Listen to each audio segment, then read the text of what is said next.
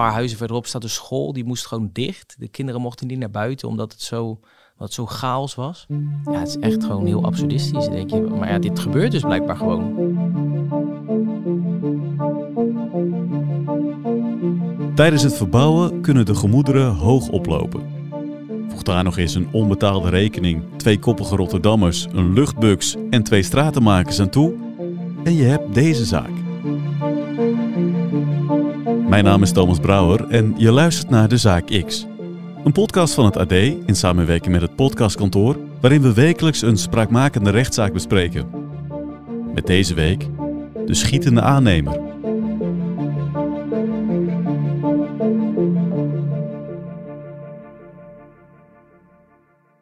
Als je een aannemer nodig hebt, moet je de laatste jaren lang wachten voor er eentje bij je aan de slag kan. De agenda's van deze vakmannen staan bomvol, zo ook die van René, een aannemer uit Rotterdam die al lang in het vak zit.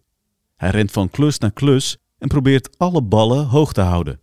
Uh, maar hij zegt zelf, ja, ik heb ADHD en uh, nou, een bekende zwakte van mij is dat ik soms een beetje te veel hooi op mijn vork neem. Je hoort de stem van Erik Oostrom, verslaggever bij AD Rotterdams Dagblad. En ja, hij zegt dat is nu ook gebeurd.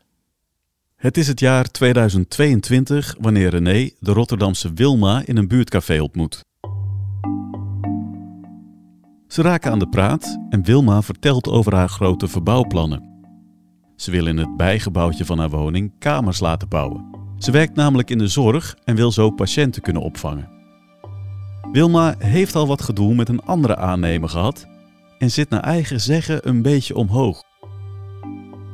En zo neemt René toch nog één klus aan: de verbouwing voor Wilma.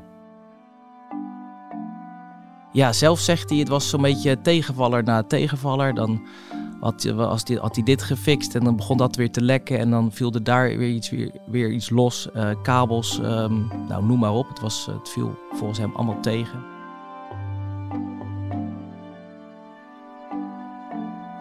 Hij heeft een aanbetaling gekregen van uh, 10.000 euro. Um, en op een gegeven moment zegt hij, ja, ik ben door het geld heen, ik heb meer nodig, want het werk wordt alleen maar meer. En dan komt hij dus uit bij Wilma, want die zou het dan moeten betalen. Ja. En uh, volgens René heeft Wilma daar geen zin in.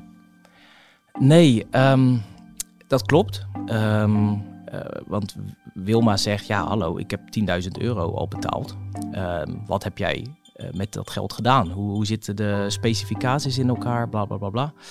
En René zegt, ja, nou kijk, dit is erbij gekomen en dit en dit. En ik heb gewoon meer geld nodig. Ik, ik kan mijn mensen niet betalen. Um, dus dat loopt steeds verder op. Ze, ze appen, ze mailen, ze bellen soms. Het wordt steeds uh, een beetje gimmiger. René die begint ook wat te dreigen. Um, dus ja, dat, dat bouwt zich zeg maar langzaam op. Op een koude decemberochtend wordt het René toch te veel. Hij belt Wilma en laat een dreigende voicemail achter. Als Wilma René later terugbelt, escaleert het gesprek. Volgens Wilma zou René zelfs hebben gedreigd om haar neer te steken. Na het telefoongesprek komt het niet in Wilma op om de politie te bellen, wel belt ze meerdere keren René. Uitdagend vraagt ze waar hij blijft. En dan zegt hij, ja, ik, uh, ik ga je, je kankerkop eraf schieten. Um, dus een beetje het zal niet, niet elk telefoontje zal zo geweest zijn, maar dit was wel uh, op een gegeven moment hoe de toon was. Rond het middaguur heeft René al een aantal biertjes op. Hij stapt woedend in zijn auto en rijdt naar Wilma's huis. Um, nou, René zelf zegt, ah, laat dat geld maar zitten, laat dat werk maar zitten. Um, ik kom mijn spullen halen. Hij zegt, er stond een stijger en de stijger is een, uh, of de ladder. Nou, een van die dingen was een erfstuk van zijn opa, dus dat was allemaal heel dierbaar voor hem. En lag nog allemaal gereedschap en allerlei uh, spulletjes. Hij uh, loopt dat terrein op. Um, en omwonenden en getuigen, mensen die daar aan het werk zijn, die horen wel dat hij enorm tekeer gaat. Hij komt niet even rustig zijn stijger halen. Uh, het is uh, de ene K-woord naar het andere, naar het andere uh, spuwt hij uit. Um, hij is gewoon woest. Ook Wilma hoort René aankomen. Ze loopt direct naar buiten. Wilma zegt um, dat ze zo'n beetje direct in de loop van een luchtbux keek. Ze zegt dat ze minutenlang door uh, René onder schot gehouden is. Um, nou, da daardoor zou ze zich zo bedreigd hebben gevoeld dat het tot een soort worsteling is gekomen. Ehm, ze heeft een steen in haar hand, alvast omdat ze wist, uh, nou, het kan wel eens uit de hand gaan lopen. Een baksteen uit de tuin. Nou, die heeft ze toen op een gegeven moment in een onbemaakt moment dat uh, René even niet ehm, haar onder schot, hield, heeft ze uh, die steen gepakt, uitgehaald en tegen zijn hoofd geslagen. Zeker twee keer. Ze zegt zelf tweeënhalf keer. Twee keer goed, één keer een beetje. Um, dus toen was ja, René wel even, uh, hij zegt zelf, ik was even een tijdje buiten bewustzijn. Even gaan bloeden. René en Wilma zijn niet alleen. Even verderop zijn twee stratenmakers aan het werk. Toevallig is het voor de twee mannen net lunchpauze als René aankomt. In de rechtbank wordt de verklaring van een van de stratenmakers voorgelezen door zijn advocaat. Ik en mijn maat zaten lekker pauze te houden in de auto, tot meneer in één keer de tuin in kwam gelopen met een wapen op zijn schouder. Het ging allemaal zo snel. Er begon een discussie en er kwam een worsteling tussen de klant en meneer De officier van justitie vertelt hoe de stratenmakers vervolgens reageren. Zij stappen uit, zien verdachten met een wapen bij mevrouw staan en proberen dan de boel te sussen, te kalmeren, haar bij te staan.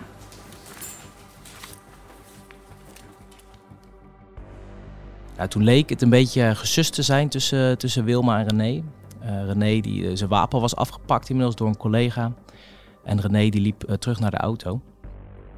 Um, je zou denken, einde verhaal. Maar toen werd het eigenlijk alleen nog maar erger. Hij leek af te druipen, maar daar pakte hij dus opnieuw zijn luchtbuks. En toen begon hij wel te schieten. Verdachte heeft met zijn PCP-luchtbuks tien keer naar hen geschoten. Um, hij heeft Wilma niet geraakt. Wel de twee stratenmakers. Um, de ene in zijn long en de ander in zijn arm.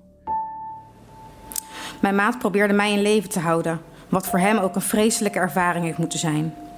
Zijn collega zegt, ik moest hem met mijn armen opvangen. Hij was echt hevig aan het bloeden en ik dacht echt dat hij in mijn armen zou overlijden. Hij zag mij werkelijk wit worden en wegzakken. Ik keek de dood in de ogen. Gelukkig kwam er snel hulp van alle kanten. Voordat ik het wist, lag ik in het ziekenhuis met een klaplong, gekneusde rib en een kogel in mijn long. Op klaarlichte dag.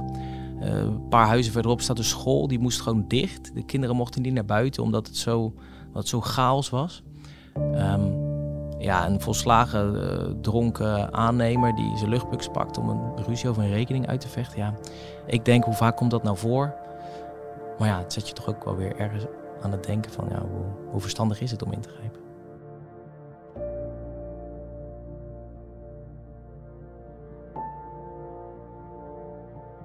Ja, vlak na die schietpartij is er een, echt een klopjacht uh, op hem ontstaan. Uiteindelijk is die uh, s'avonds in Schiedam opgepakt. Hij zelf komt uit Rotterdam. Um, maar echt door, een, door de DSI, de, speciaal arrestatieteam, dat ze ook bij terroristen, terroristenverdachten inzetten. Um, en ja, ze hebben hem redelijk hardhandig, zegt hij zelf, opgepakt. En sindsdien zit hij in de gevangenis. De advocaat van René heeft kritiek op de manier waarop deze arrestatie verliep. Hij vertelt de rechtbank hoe René deze arrestatie heeft beleefd. Mijn cliënt is door de DSI aangehouden. Uh, met wellicht gepast op dat moment, maar alsnog fors geweld. En zelf zegt cliënt daarover dat hij mishandeld is, dat hij klappen heeft gehad op zijn toen al gewonde hoofd en ook dat zijn schouder uit de kom is geweest. En vervolgens is cliënt ook nog daadwerkelijk onderzocht in het ziekenhuis omdat er vragen waren over het letsel op zijn hoofd. Ook daarna heeft hij nog meerdere klappen gehad. Op het moment dat hij zelfs geblinddoekt was. En dat is ook nog doorgegaan in de cel. En in die cel zou René zich flink hebben misdragen. Hij zou een agent hebben gezegd zijn kinderen dood te gaan slaan. Op deze beschuldigingen heeft de advocaat ook verweer. De cliënt zit ingesloten in de cel en de uitspraken die de cliënt uiteindelijk ook doet. Hij heeft het over dat hij erachter zou moeten gaan komen waar ze wonen en zou kinderen dood gaan slaan. Is het hoogst onwaarschijnlijk dat die ehm, bedreiging uitgevoerd zou worden en was zijn uitlating niet op te vatten als bedreigend.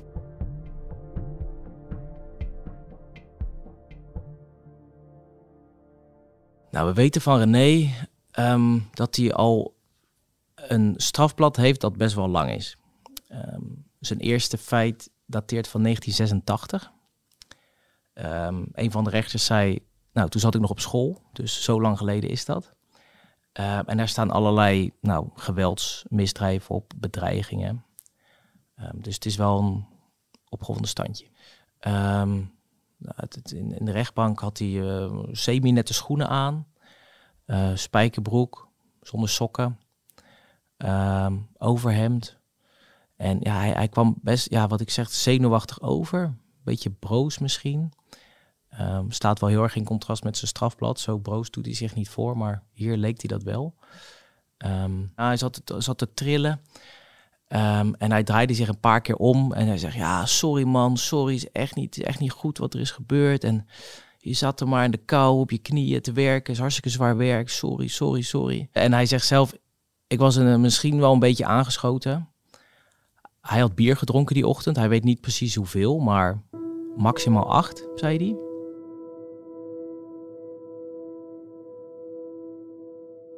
Uh, Wilma was er niet. Uh, zij keek thuis mee via een, een live verbinding. En uh, ik heb haar gevraagd van ja, waarom, waarom was je er niet? Um, ze zegt zelf ja, ik, niet per se omdat ze hem niet wilde zien, omdat ze bang was, maar ze was vooral bang voor zichzelf. Van, ja, wat, hoe, ze, wist niet hoe ze zou, reageren als ze weer oog in oog met hem zou staan. Wilma um, was een dame, zij werkt in de zorg. Um, thuiszorg, maar thuis wilden ze dus voor um, mensen zorgen in hun laatste levensfase. Daar was ook de, een groot deel van de verbouwing voor bedoeld. En Wilma zegt, ik ben een vechtertje. Um, als iemand aan mijn brood komt of aan mijn geld komt en dat is, dat is, dat is niet zoals het hoort, dan, dan komt ze voor zichzelf op. En dan loopt ze ook niet voor de confrontatie weg. dus zij had een probleem met René en dat probleem dat moest opgelost worden. En Wilma was dus ook niet bang voor hem? Nee, nee, helemaal niet. Uh, Wilma zegt zelf, ik heb al zoveel in mijn leven meegemaakt. Um, als ik een probleem heb of als er iemand wat van mij wil, dan ga ik altijd de confrontatie aan. Ik, ik kom voor mezelf op. Volgens Wilma heeft de gewelddadige ruzie over de klusrekening haar leven voorgoed op zijn kop gezet. Haar advocaat leest haar slachtofferverklaring voor. Ik ben na de schietpartij nooit meer mezelf geworden. Ik heb emotionele aanvallen eraan overgehouden in de vorm van... ik zie het heel vaak niet meer zitten. En word tot waanzin gedreven om te kunnen overleven. Ik smeek om geld bij mijn kinderen voor mijn eerste levens- en basisbehoeften.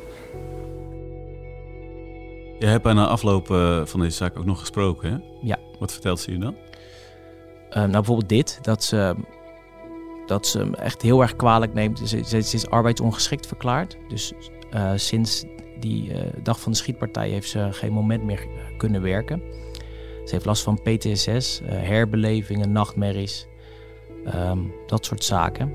Um, en ja, haar hele project ligt ook stil. Want ze zegt van ja, um, allereerst heeft ze geen geld, want ze kan niet werken. Ten tweede zegt ze ja, welke aannemer wil er nou met mij in zee? Um, na, na dit. Want men denkt, ik betaal mijn rekeningen niet. Maar ja, ik betaal mijn rekeningen wel. Maar ik wil wel weten wat er met mijn geld gedaan wordt. Um, dus ze hoopt dat ze een schadevergoeding krijgt. Um, en straks uh, weer verder kan met haar project. Ik wens dat hij in de kuil die voor mij heeft willen graven zelf mag vallen. En ik hoop drie keer harder. Dit is wat ik voor hem wens.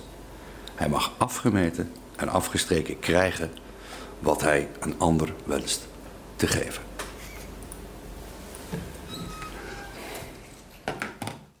De twee stratenmakers merkte je duidelijk van, uh, die, die hebben echt heel, echt heel veel last van. Um, ja, ze zijn gewoon compleet onschuldig slachtoffer. Um, terwijl ze wel met alle ellende zitten. Ja, Wilma natuurlijk ook. Maar um, deze twee stratenmakers staan volledig buiten het conflict. Ze wilden alleen helpen. Uh, de heer is uh, niet aanwezig en heeft daar kort van tevoren uh, voor gekozen om niet te komen, omdat de spanning eh, te hoog opliep voor vandaag. Um, de verklaring van de heer. Ik weet eigenlijk niet waar ik moet beginnen. Op 9 december 2022 zou ik gezellig bij mijn ouders het WK gaan kijken, samen met mijn vriendin en kindje. Het was een leuke werkdag en ik keek uit naar het weekend. Totdat het binnen een paar minuten opeens de ergste dag uit mijn leven werd. Allebei zelfstandig en dan kan je maandenlang niet werken. Dus nou, ook gewoon 0,0 inkomsten. En dan ook nog eens last van je, van je lichaam. Uh, ja, voor hun is het echt heel zwaar. En die ene zegt van, ja, ik durfde zelfs um, een hele tijd mijn auto daar niet op te halen. Die heeft hij nog een hele tijd daar laten staan in die straat. Gewoon omdat hij ook zo bang was geworden. Ja, en hoe uh, reageerde René erop dan, op dit, uh, deze verhaal? Ja, wederom van, ja, sorry en uh, ik, het had niet zo moeten gebeuren. En um, desnoods ga ik, ik kan je niet terugbetalen, maar desnoods ga ik stenen voor je sjouwen. Dat, dat soort dingen, zei hij. Um, ja, hij leek zich oprecht schuldig te voelen. Maar... Na de verklaringen moet het OM met een strafeis komen. Een belangrijke factor hierin is het gebruik van het wapen, de luchtbuks van René. De vraag is, hoe dodelijk is een luchtbuks en mag je die zomaar in bezit hebben in Nederland? Je hoort officier van justitie. Uit het ballistisch onderzoek uitgevoerd door het NFI blijkt dat het schieten met dit luchtdrukwapen dodelijk letsel kan opleveren. De kogels kunnen door de huid en in het onderliggende weefsel dringen. En dit zien we dan ook terug bij het letsel van beide slachtoffers. Er is een kogel in het onderkwap van de rechterlong terechtgekomen en er is er eentje in de onderrechterarm terechtgekomen. Maar volgens de advocaat van René is het wapen helemaal niet gevaarlijk. Meneer Schaapman is oud politiecommissaris, 25 dienstjaren. Veel dienstjaren bij de recherche bovendien, verneem ik van internet. Ik verwijs naar de voetnoot. Iemand die ongetwijfeld meer weet van wapens dan de gemiddelde persoon. En Schaapman verwoordt hiermee, mijn inziens, de algemene heersende gedachte over luchtdrukwapens. Die zijn ongevaarlijk. En dat is ook logisch op basis van die andere vaststellingen, want ze zijn vanaf 18 jaar zonder vergunning te krijgen. En dat bezit is niet echt aan voorwaarden verbonden. Als het over vuurwapen gaat, dan is het echt levensgevaarlijk. Maar is het een luchtdrukwapen? Nog mag het niet. Maar dan kan het op zich weinig kwaad. Luchtdrukwapens kennen we allemaal van de kermis. Het zijn legale wapens en die mag je hebben als je 18 jaar bent of ouder. Ja, heeft hij die uh, luchtbugs vaker gebruikt? Nou, dat, dat werd natuurlijk helemaal gevraagd van hoe, waarom loop je met een luchtbugs rond? Waarom heb je die in je auto liggen? Nou, had hij zelf het volgende verhaal bij. Hij zei, ja, ik had thuis had ik last van ratten. Um, je mag geen gif meer kopen, zei hij. Dus ja, wat moet je anders? Toen kocht hij een luchtbugs. En toen heeft hij geprobeerd de ratten dood te schieten. Nou, is niet gelukt, want hij zegt, ik kan helemaal niet mikken. Um, en hij wilde van de luchtbugs af. En toen heeft hij, nou, hij zegt, in een café aan een kennis soort van verkocht. Um, en die lag in de auto om aan die kennis uh, overgegeven te worden.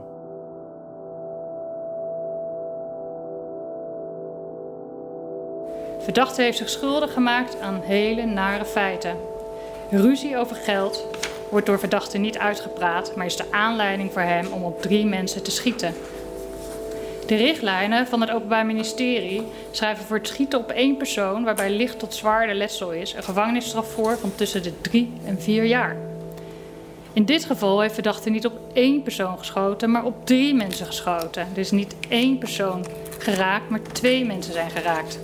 Waarvan één, meneer met zwaar letsel. Alles overwegende is een langdurige gevangenisstraf een passende straf. Tot welke eis is het OM nu eigenlijk gekomen?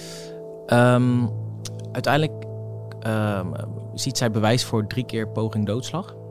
Uh, want zij vindt van zo'n uh, korte afstand met zo'n zwaar, zware luchtbugs op uh, personen schieten, dan kan je aannemen dat, dat er misschien iemand levensgevaarlijk gewond raakt en overlijdt. Um, dus zij kwam tot drie keer poging doodslag en zes jaar cel.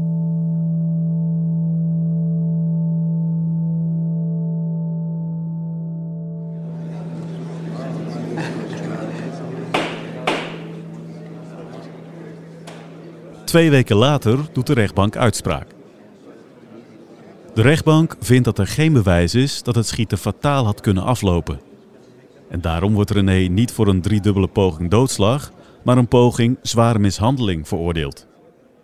Ook wordt René veroordeeld voor het bedreigen van een arrestantenbewaker. Hij krijgt 24 maanden cel, waarvan 8 voorwaardelijk opgelegd.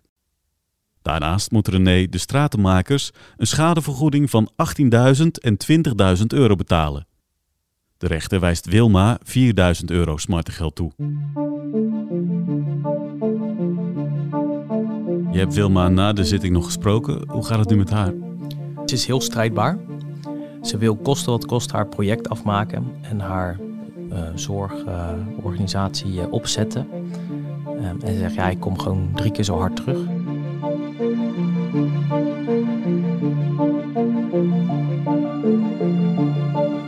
De Zaak X is een wekelijkse podcast van het AD. En deze aflevering werd gepresenteerd door mij, Thomas Brouwer. Aan deze podcast hebben meegewerkt David Achter de Molen van het podcastkantoor, Sanne Beijer en Joost de Kleuver. Als je meer details wil lezen over deze zaak, kijk dan op ad.nl slash dezaakx. Vond je dit een goed verhaal? Laat dan vooral even een review achter, zodat we beter vindbaar worden voor nieuwe luisteraars. En wil je ook de volgende aflevering niet missen? Abonneer je dan op dit kanaal.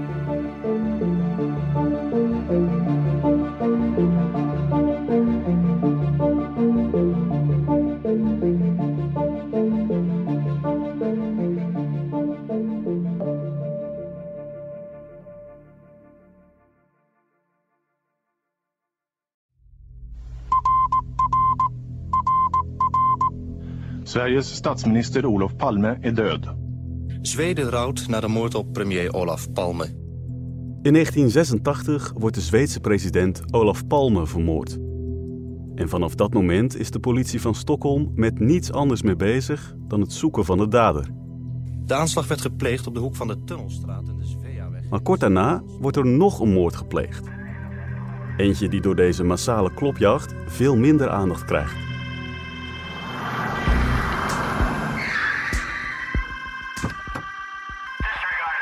Het is een moord in huiselijke kring, ergens in een buitenwijk van Stockholm. Het slachtoffer is een 30-jarige vrouw. De dader, haar stiefzoon Samir Sabri. En vrijwel gelijk als de politie ter plaatse is, bekent hij haar vermoord te hebben. Maar kort daarna komt Samir terug op zijn bekentenis. Hij is onschuldig, zo zegt hij. Klopt het wat Samir beweert? Is hij echt onschuldig? En als hij de moord niet pleegde, wie dan wel? Je hoort het in de stiefmoedermoord.